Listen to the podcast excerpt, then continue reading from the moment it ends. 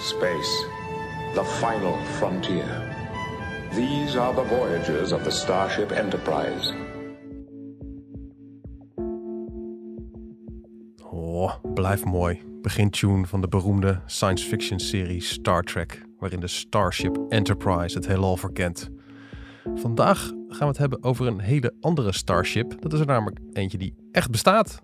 Het is de grootste raket ooit gebouwd door de mensheid. En binnenkort gaat die gelanceerd worden. Wat moet die raket allemaal gaan doen? En kunnen we er echt new worlds en new civilizations mee verkennen? We gaan het ontdekken in Ondertussen in de Kosmos, de podcast van de Volkskrant, waarin we alles en iedereen door een wetenschappelijke bril bekijken. Mijn naam is Tony Mudde, chef van de wetenschapsredactie hier. En op de andere microfoon George van Hal, ruimtevaartdeskundige bij de krant.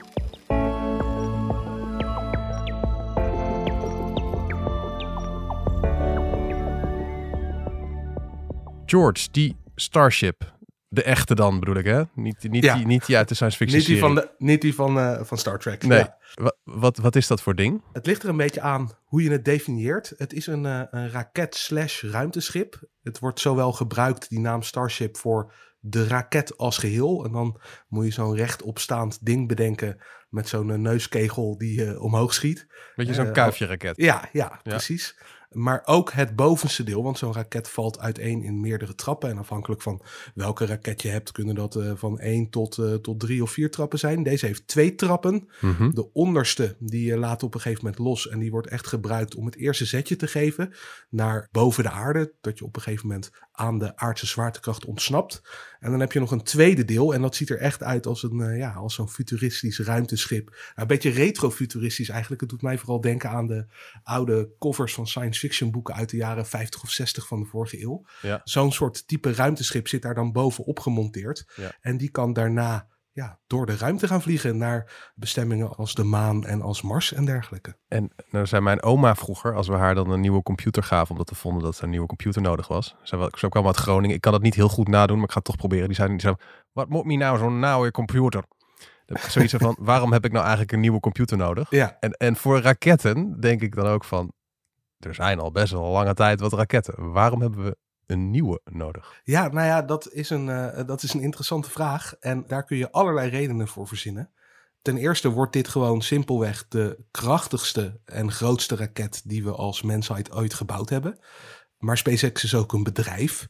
Mhm. Dus die willen hier ook graag geld mee verdienen met, eh, met deze raket. Ja. En de eerste doelstelling, en nou ja, dat is echt hard nodig voor het businessmodel van SpaceX, is dat ze hun tweede generatie Starlink-satellieten hiermee kunnen lanceren. En Starlink, dat is het ding, dat is een satelliietzwerm waarmee ze internet kunnen leveren. Dus een commercieel, commerciële internetdienst, die wordt beschikbaar nou ja, overal ter wereld, omdat de ruimte vanuit elke plek ter wereld bereikbaar is Mhm. die levert internetsignaal. En, eh, daar zitten nu al heel veel satellieten.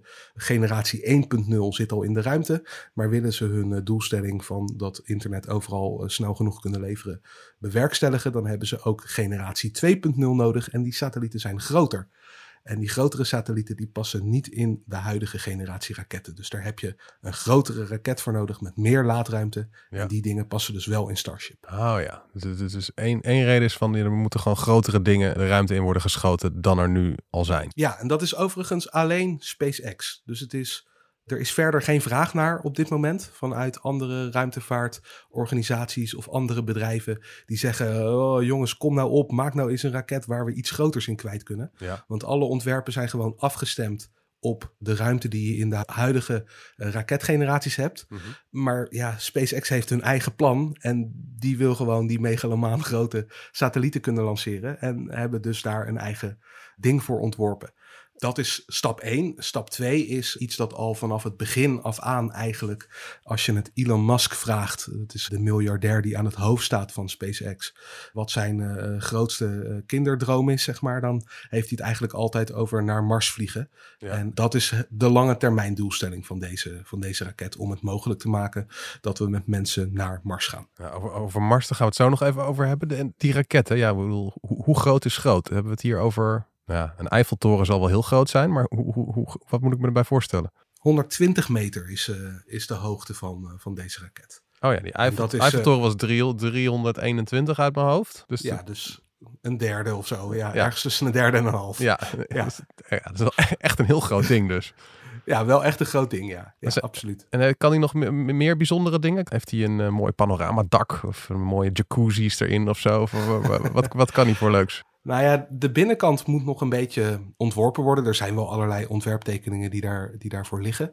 Maar je krijgt verschillende versies van Starship straks. Dus de ene versie zal gebruikt worden om vracht mee te vervoeren. Mhm. De andere versie zal gebruikt worden om mensen mee te vervoeren. De eerste opdracht die Starship al binnen heeft is om straks bij de Artemis-missies van NASA.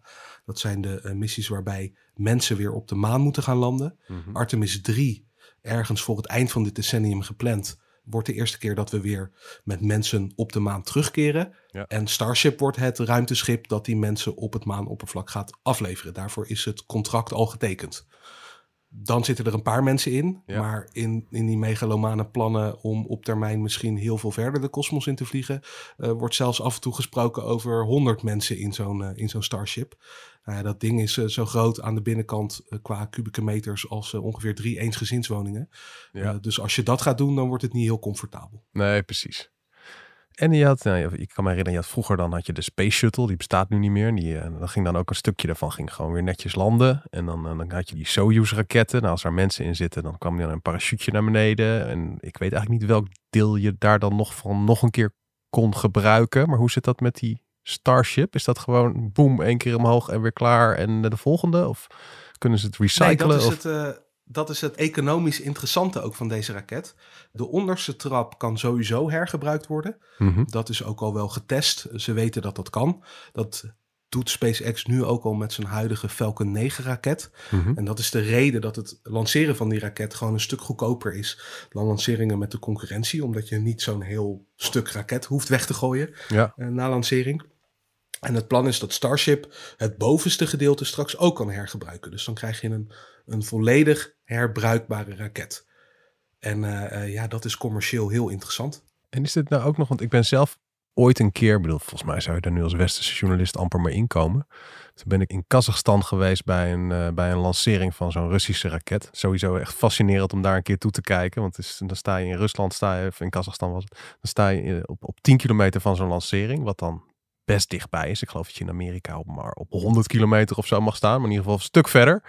En toen stonden we daar bij die lancering en je voelt gewoon de grond trillen. Terwijl dat ding op kilometers afstand staat. En er is een enorme militaire parade ook omheen. Het is enorm eh, overheidsgecontroleerd. En zo'n Starship, is, speelt dit nou ook een soort hele machtsbalans-achtig iets? Zoiets van, dan zijn we minder afhankelijk van de Russen? Of, of, of niet? Nou ja, zeker. Gedeeltelijk speelt dat natuurlijk altijd mee. Al die ruimteschepen, al die raketten, eigenlijk de hele bemenste ruimtevaart draait in eerste instantie toch een beetje om prestige en, Mhm. en technologisch spierballenvertoon. Om te laten zien, dit kunnen wij. Ja, Rusland loopt daarin de laatste tijd wat achter. Lange tijd hadden zij een monopolie om bijvoorbeeld astronauten naar het ruimtestation eh, ISS te vervoeren. Mhm. Dat kon op een gegeven moment, nadat die Space Shuttle in de mottenballen ging, kon het echt alleen nog maar met Russische raketten eh, en Russische eh, ruimteschepen. Dat monopolie heeft SpaceX al doorbroken met hun, eh, hun huidige pendeldienst naar het ISS. Dat is met een andere raket en met een ander voertuig.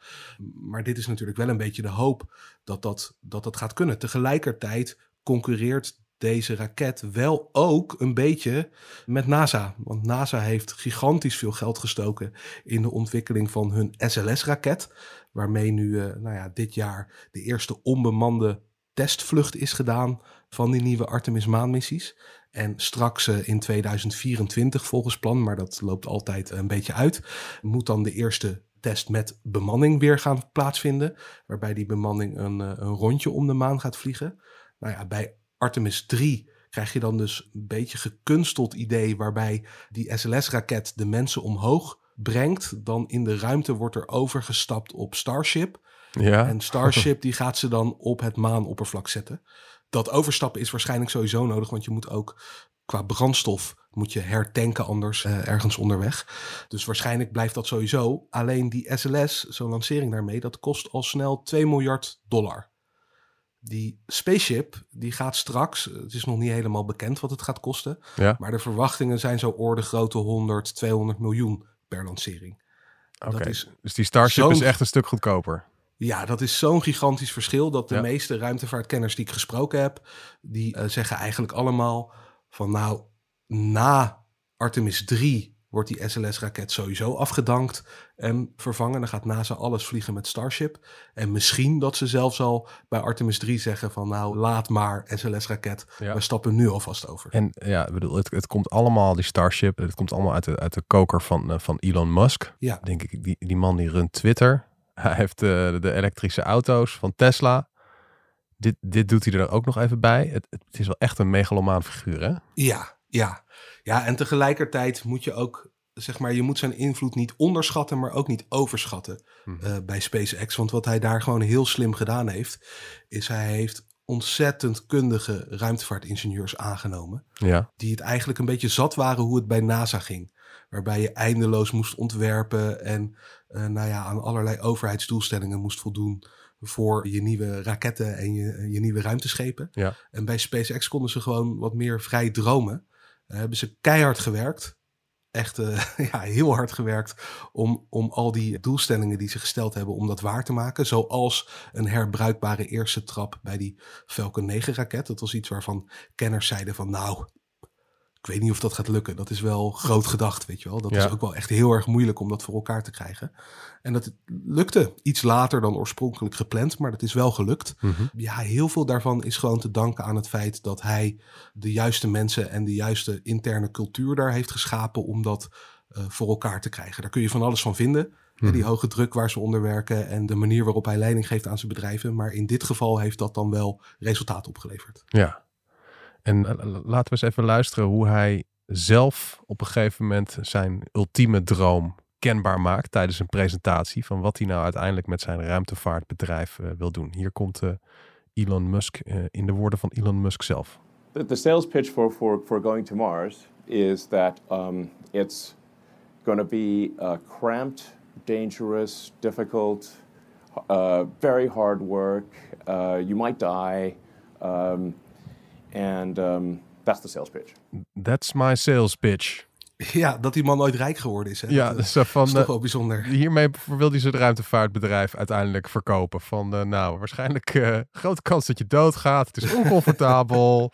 nou jongens, kom maar allemaal investeren in mijn geweldige ruimtevaartbedrijf. Dat is toch wel Ja. wonderlijk, toch? Ja, nou ja, en tegelijkertijd is het ook wel een beetje eerlijk. Want als je inderdaad naar Mars wil, hè, en stel je wilt dat met veel mensen, zoals ik net al zei, dan wordt het niet heel comfortabel. En je zit best wel even in dat, eh, in dat ruimteschip.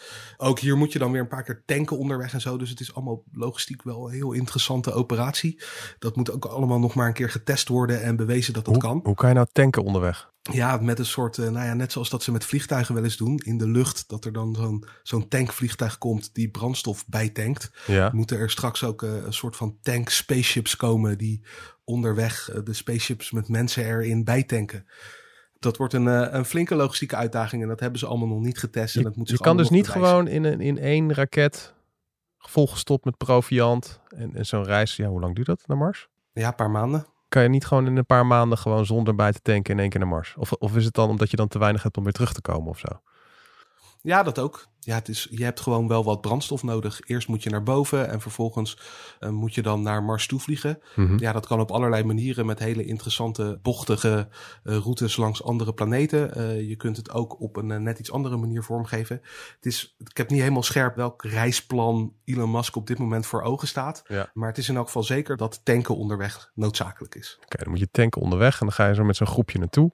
En dan land je daar, dan is het natuurlijk helemaal niks. Nee, nou ja, behalve als je de, de promotiefilmpjes van, van Elon Musk bekijkt over zijn Starship. Want dan is er een casino en, eh, en dan staan de Ja, Tesla's is- klaar en je kan meteen inloggen op Twitter. En, eh, Zoiets. Nee, het zijn een soort eh, zeer heroïsche science fiction-achtige filmpjes waar dan een soort koepelstad op Mars is. En lichtgevende vierkantjes waar de starships in af en aan vliegen en mensen daar afleveren. En nou ja, op dat filmpje nog geen casino en nog geen Tesla, maar die zit er in zijn fantasie vast. ja, ja, ja.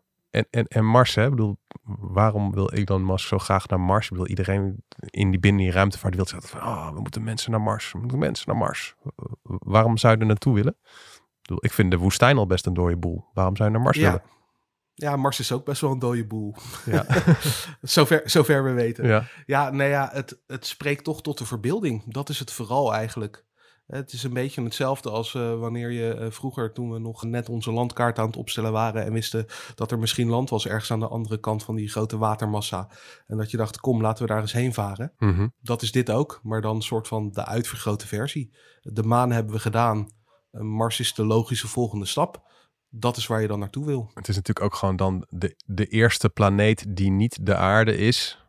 Ja. Waar, waar je dan een mens op kan hebben lopen. Ja, dat heeft een soort grote symbolische waarde. Ja. Ik voel dat, ik voel dat ook wel hoor. Moet ik Ja, zeggen. nee, die, die, die- ik bedoel, als er zou, als er zou zeggen vannacht eh, drie uur s'nachts livestream eh, landing van eerste mensen op Mars. Ik, ik zou er wel wakker voor worden, zeker wel. Ja, ik, denk, ja, ik, ik denk heel veel mensen. Ja. Ja. nou, dat denk ik ook. Ja. En, maar ja, zover is het nog niet. Eerst Nee. moeten, wat gaat er nou eigenlijk deze maand dan gebeuren voor lancering? Nou, hij is nog afwachten. Ja. Elon Musk heeft op zijn eh, eh, Twitter-account, wat inmiddels zo'n beetje zijn enige manier is waarop hij nog met de buitenwereld communiceert, heeft hij gesuggereerd dat in maart dus de eerste testvlucht van Starship gaat plaatsvinden, waarbij hij echt gaat lanceren en de ruimte in gaat en kijken of alles werkt. Ja, Ja, of dat daadwerkelijk in maart gaat gebeuren, of dat dat misschien een maand later wordt, of twee maanden of drie maanden later, dat durf ik niet te zeggen. Daar is nog geen officieel, officiële aankondiging van gebeurd. oké. maar het gaat wel ergens deze, deze maanden gaat het, Het wel gaat- gebeuren. Ja, het gaat deze maanden gebeuren. Voor het eind van het jaar is dat ding omhoog gegaan. Dat, dat durf ik wel te zeggen. Oké. En wat, wat, wat vind je eigenlijk het volgende spannende hoofdstuk? Denk je dan van, eh, nou ja, al- als dat lukt, dan gaat gewoon echt in de planning staan wanneer hij naar Mars wil? Of dat, eh, daar, heeft hij daar ook al een datum voor genoemd? Nee, ik verwacht niet op korte termijn een eh, plan voor mensen naar Mars. De volgende stap is dan succesvol die Artemis-missie uitvoeren. Ja, waarbij we de maan. mensen op maan gaan zetten. Ja. Als dat gelukt is, ja, dan zal er op een gegeven moment wel iets van een missie gaan komen. Ja. Wat verder, misschien een, een onbemande missie richting Mars. Een soort proefmissie. Mhm. Maar dat zal allemaal nog wel even op zich laten wachten. Want daar moet eerst nog wel een technologische hoorde of twee voor worden genomen. Maar wel voor ons pensioen. Wij, zijn allebei. eh, misschien- hoe oud ben jij eigenlijk? Ik, ik, ik zit, ik, ben, ik ben 44, jij? Ja, ik ben eh, twee jaar jonger. Dus Oh ja. voor ons pensioen, eh, dat komt min of meer tegelijkertijd. Ja, oké. Gaan we dat voor ons pensioen nog meemaken? Eh, mensen op Mars. Mensen op Mars? Ja, ik hoop het. Ik zou het wel heel leuk vinden om daarover te schrijven voor de krant. Ja, anders moet je het als, als emeritus journalist eh, doen. ja, precies. Oké. Dus nee, ja, maar het is echt, het is, het is eigenlijk gewoon niet te voorspellen. Het is, als je het nu mensen vraagt die hierop zitten, hè, die gewoon actief zijn in de ruimtevaart, eh, die zeggen allemaal van, nou, ik zie wel de nodige beren op de weg. Het is echt heel erg moeilijk. En tegelijkertijd zeggen ze, ja, dat gekke bedrijf, weet je wel, die SpaceX, die heeft tot nu toe al die idiote plannen hebben ze, hebben ze werkelijkheid gemaakt. Ja. Ik durf niet te wedden dat dit ze niet gaat lukken. Ja, en, en, ze, en ze verdienen blijkbaar ook nog geld. Want ja, anders zou je gewoon als bedrijf instorten. Ja, nou ja, eh, ze vliegen vluchten voor NASA bijvoorbeeld. NASA is zo'n beetje hun grootste klant. Ja, Hier in Europa zullen we niet zo heel snel inkopen bij, eh, bij SpaceX. ESA is echt gewoon bezig met hun eigen onafhankelijke route naar de ruimte. Ja. Zijn bedrijven zoals de Ariane-raket wordt hier, wordt hier ontwikkeld. Die wordt voor dit jaar wordt de nieuwe versie gelanceerd. Ariane 6, die is kleiner en minder krachtig dan die, dan die Starship. Maar alles wat we ermee willen doen, kunnen we er ook mee doen. Dus de komende jaren zijn wij wel voorzien. Maar het zou best kunnen dat als Starship goed werkt, beschikbaar is en goedkoop. En je kunt er grote dingen mee, eh, mee omhoog schieten. Dat ze ook hier in Europa op een gegeven moment gaan denken: joh, misschien nu we dit als mogelijkheid hebben, kunnen we toch wel een bijzondere satelliet of meetinstrument X die wat groter is bouwen. En dan sturen we hem wel met SpaceX omhoog. Dat zou best kunnen. en hij gaat dus ook nog dat, dat Starlink-systeem verder optuigen. Met dat Ja. internet. En dan denk ik, bedoel, ja, in Nederland, ik heb gewoon mijn eigen provider en internet werkt. Waar, waar is, wie, wie zijn hier de klanten dan eigenlijk van dat Starlink? Ja, dat is een goede vraag. Oekraïnse termijn- leger volgens mij. Nou ja, die maken er bijvoorbeeld gebruik van. Ja. Ja. ja, En daar is dan ook weer een hoop over te doen, omdat dan de macht voor die toegang van het leger ligt dan bij een bedrijf in plaats van bij een overheid. Ja. Als Elon Musk in een, eh, in een rare bui besluit om het uit te zetten, ja, dan Heeft gewoon gevolgen op het slagveld. gevolgen. Ja. Ja. nou ja, dat soort dingen zijn, zijn lastig en eh, mensen hebben er ook last van, weet je wel. Astronomen maken zich zorgen dat er straks zoveel eh, tussen ons en de ruimte hangt dat je niet meer fatsoenlijk vanaf aarde eh, waarneming kunt, kunt doen van wat er in de ruimte allemaal te zien is. Ja. Dus er zitten allemaal mits en maren aan zo'n eh, aan zo'n Starlink. Maar dat is wel een van de verdienmodellen waar, eh, waar Musk op rekent. En op op plekken waar lastig internet te vinden is, dat je dan gewoon altijd bij Musk kan inloggen voor een, Ja, abonnement, altijd voor een betrouwbaar. abonnementje. Precies. Ja, ja, dat, is, eh, dat is het idee. Oké, missen we nog iets, George? Even denken, missen we nog iets? Nou ja, kijk, we- weet je wat het, weet je wat het interessante is van Starship? Dat is denk ik wat het meest tot de verbeelding spreekt. Dat is toch dat idee van eh, Strange New Worlds en, en New Civilizations. Ja, Wat hier eigenlijk helemaal niet opgaat, want het gaat in het zonnestelsel vliegen. En daar kennen we alle werelden al wel. En ja. de enige civilization, voor zover we weten, zijn wij hier op aarde. Mhm. Maar die verkenning van het zonnestelsel met mensen. Ja. Zonder mensen lukt het allemaal wel. Maar als je het met mensen wil doen, dan heb je eigenlijk wel zoiets als Starship nodig. En als dit nou niet gaat werken, dan moeten we wachten op het volgende plan. En dan zijn we misschien wel weer decennia verder. Zoals wij het nog willen meemaken voor ons pensioen. Dan, ja, dan moeten we hopen dat, eh, dat dit plannetje van, eh, van SpaceX gaat werken.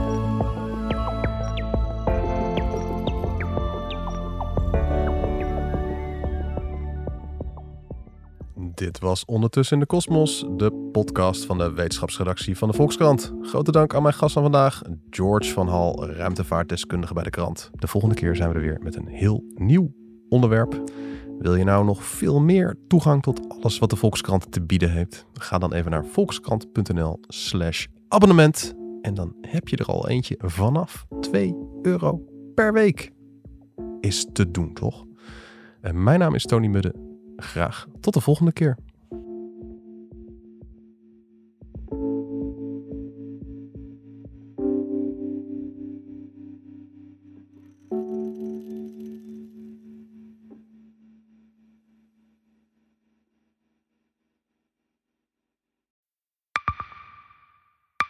Zijn leven is overhoop gegooid.